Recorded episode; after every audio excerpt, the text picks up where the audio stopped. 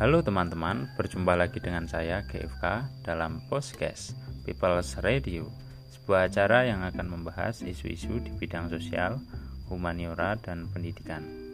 Kali ini kita akan membicarakan tentang Pancasila sebagai sistem etika dan etika kehidupan bangsa. Materi ini akan memberikan wawasan kepada pendengar tentang bagaimana sistem etika yang melekat pada Pancasila kita tahu bahwa Pancasila merupakan satu dasar fundamental yang menjadi landasan berdirinya negara Indonesia merdeka dan itu sekaligus menjadi satu cita-cita yang akan terus diperjuangkan dan berproses atau never ending. Etika sendiri merupakan satu kata serapan dari bahasa Yunani yaitu ethos yang artinya sepadan dengan arti kata susila. Etika adalah sebuah ilmu, yaitu sebagai salah satu cabang filsafat yang mengajarkan bagaimana hidup secara arif dan bijaksana. Sebagai sebuah sistem etika, Pancasila memiliki moralitasnya yang melekat. Moralitas di sini maksudnya adalah nilai-nilai yang perlu untuk diteladani oleh seorang individu yang Pancasilais. Mungkin nilai-nilai ini sering kita bahas dan kita diskusikan pada podcast-podcast yang lalu, tetapi yang harus digarisbawahi tentang sistem etika ini adalah nilai-nilai ini lebih bersifat praktis ya, dan realis sesuai dengan konteks kehidupan nyata yang sedang dihadapi. Makanya di dalam sistem etika itu dikenal pula dengan beberapa sub atau cabang seperti etika politik, etika sosial, etika ekonomi, kemudian etika budaya dan lain sebagainya yang cukup banyak yang secara sistemik itu sudah terangkum di dalam Pancasila. Etika sendiri merupakan satu himbauan atau panduan bagi seorang individu untuk bertindak sesuai moralitas. Tetapi bukan karena tindakan itu diperintahkan oleh moralitas, melainkan karena individu itu tahu bahwa hal itu memang baik dan mungkin juga buruk sehingga kita perlu menghindari.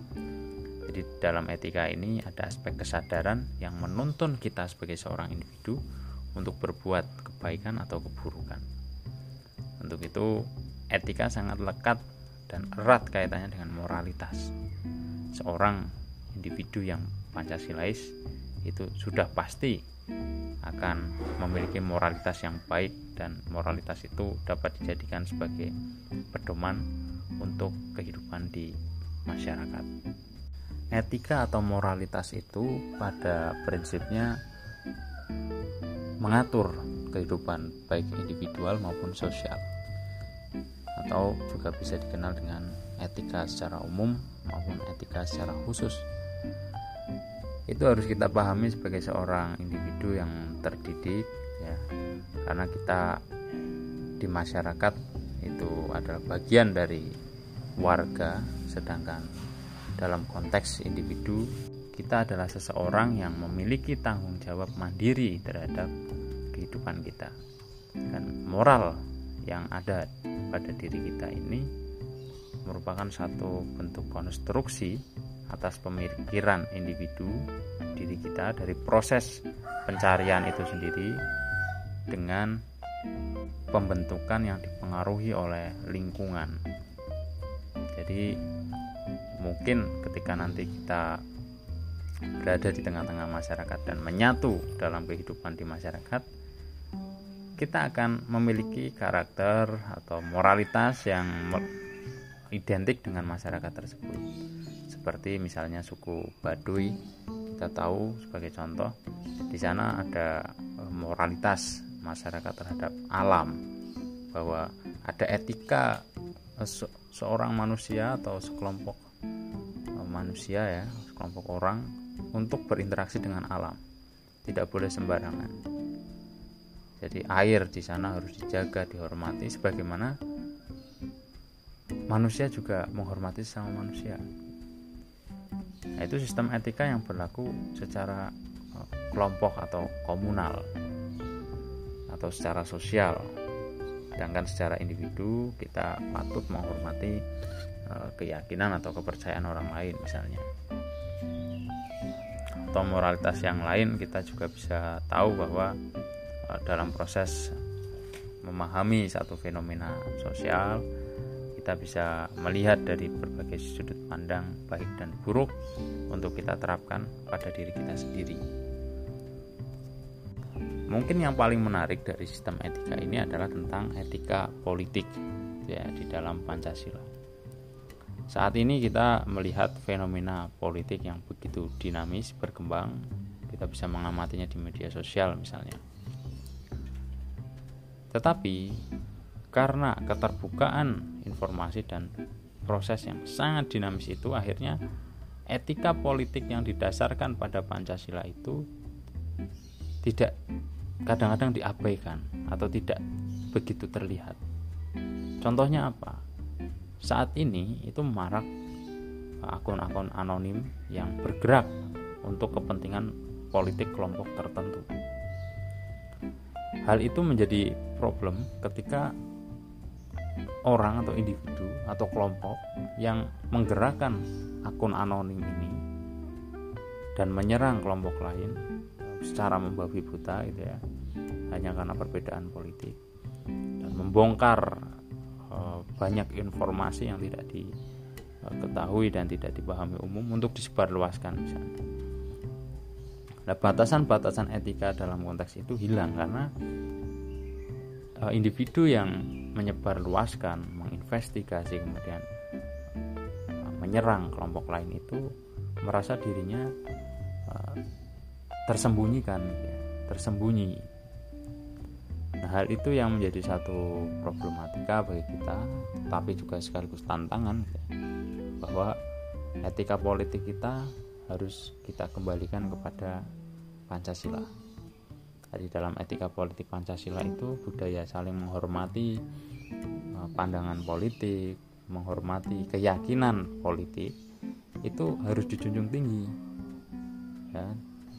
Untuk ya untuk persatuan, untuk kemanusiaan, untuk permusyawaratan, demokrasi dan untuk keadilan. Juga untuk ketuhanan. Tetapi saat ini kadang-kadang ketika kita berpolitik kita seolah-olah mengabaikan itu semua gitu ya.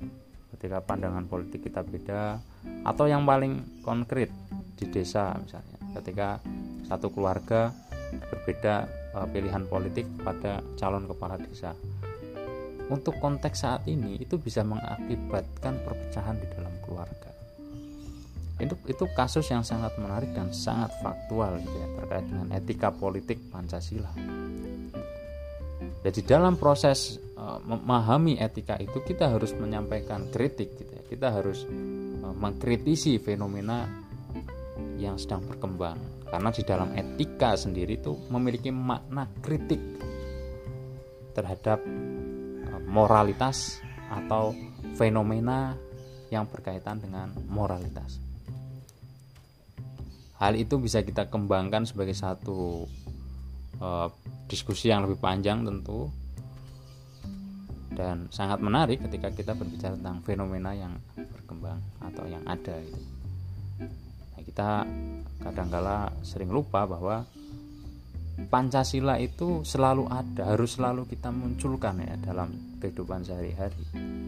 Yang saat ini ketika orang berdebat, misal di televisi atau di media sosial, itu hal-hal yang berkaitan dengan Pancasila, dasar-dasar uh, yang terkait dengan Pancasila itu diabaikan sehingga aspek-aspek kebangsaan, persatuan, toleransi, kemanusiaan itu lenyap gitu ya. Jadi seolah-olah mereka itu menyampaikan satu gagasan itu terlepas dari aspek-aspek yang ada di dalam Pancasila dan itu secara praksis tidak terikat dengan etika Pancasila. Padahal etika politik dan etika Pancasila itu harus selalu berhubungan dan selalu dihubungkan satu sama lain agar supaya rekonstruksi dari etika dan moralitas itu berjalan secara matang.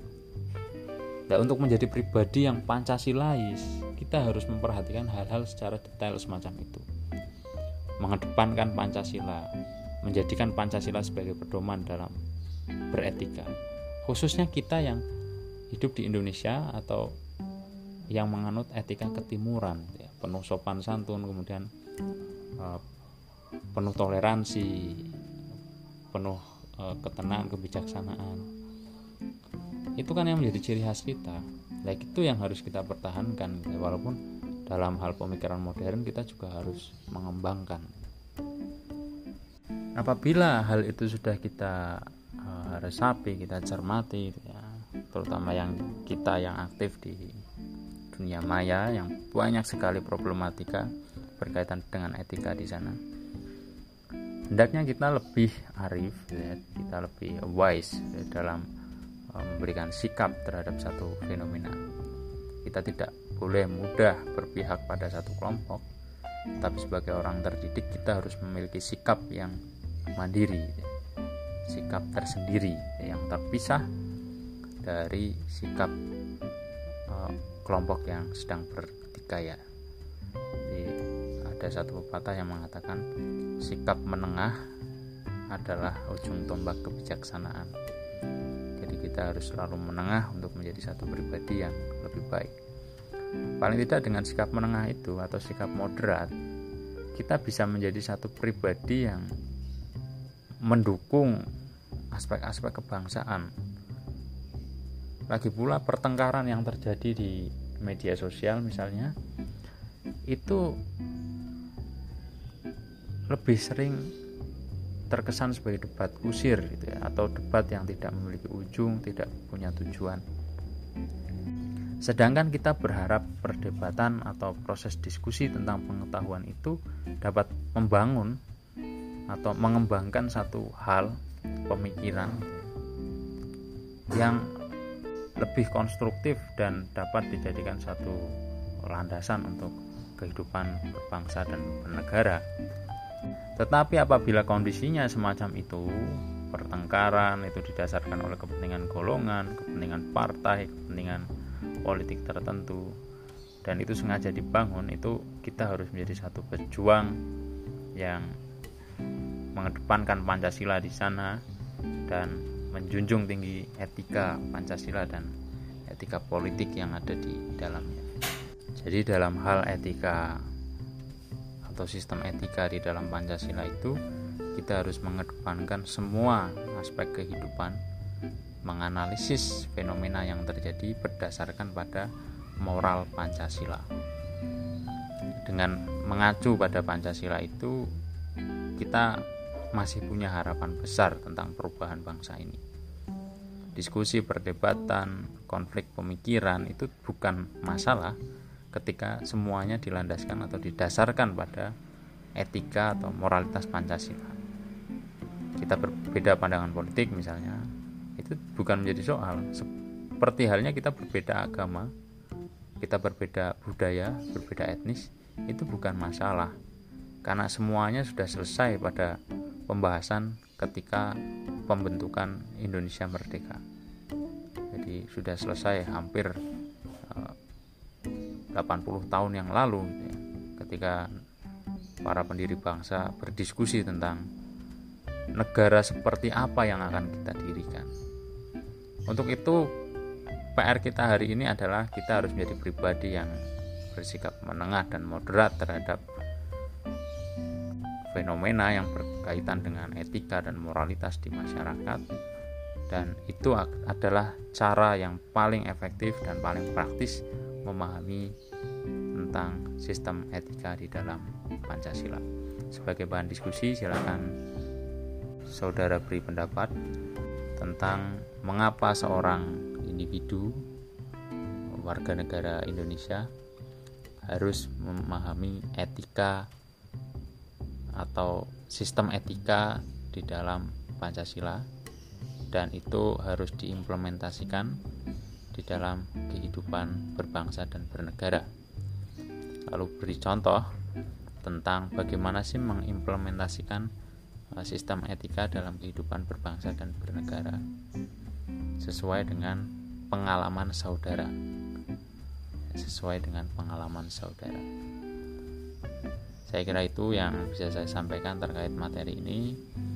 Terima kasih sudah mendengarkan podcast ini sampai jumpa di episode berikutnya. Tetap semangat belajar dan salam sehat. thank you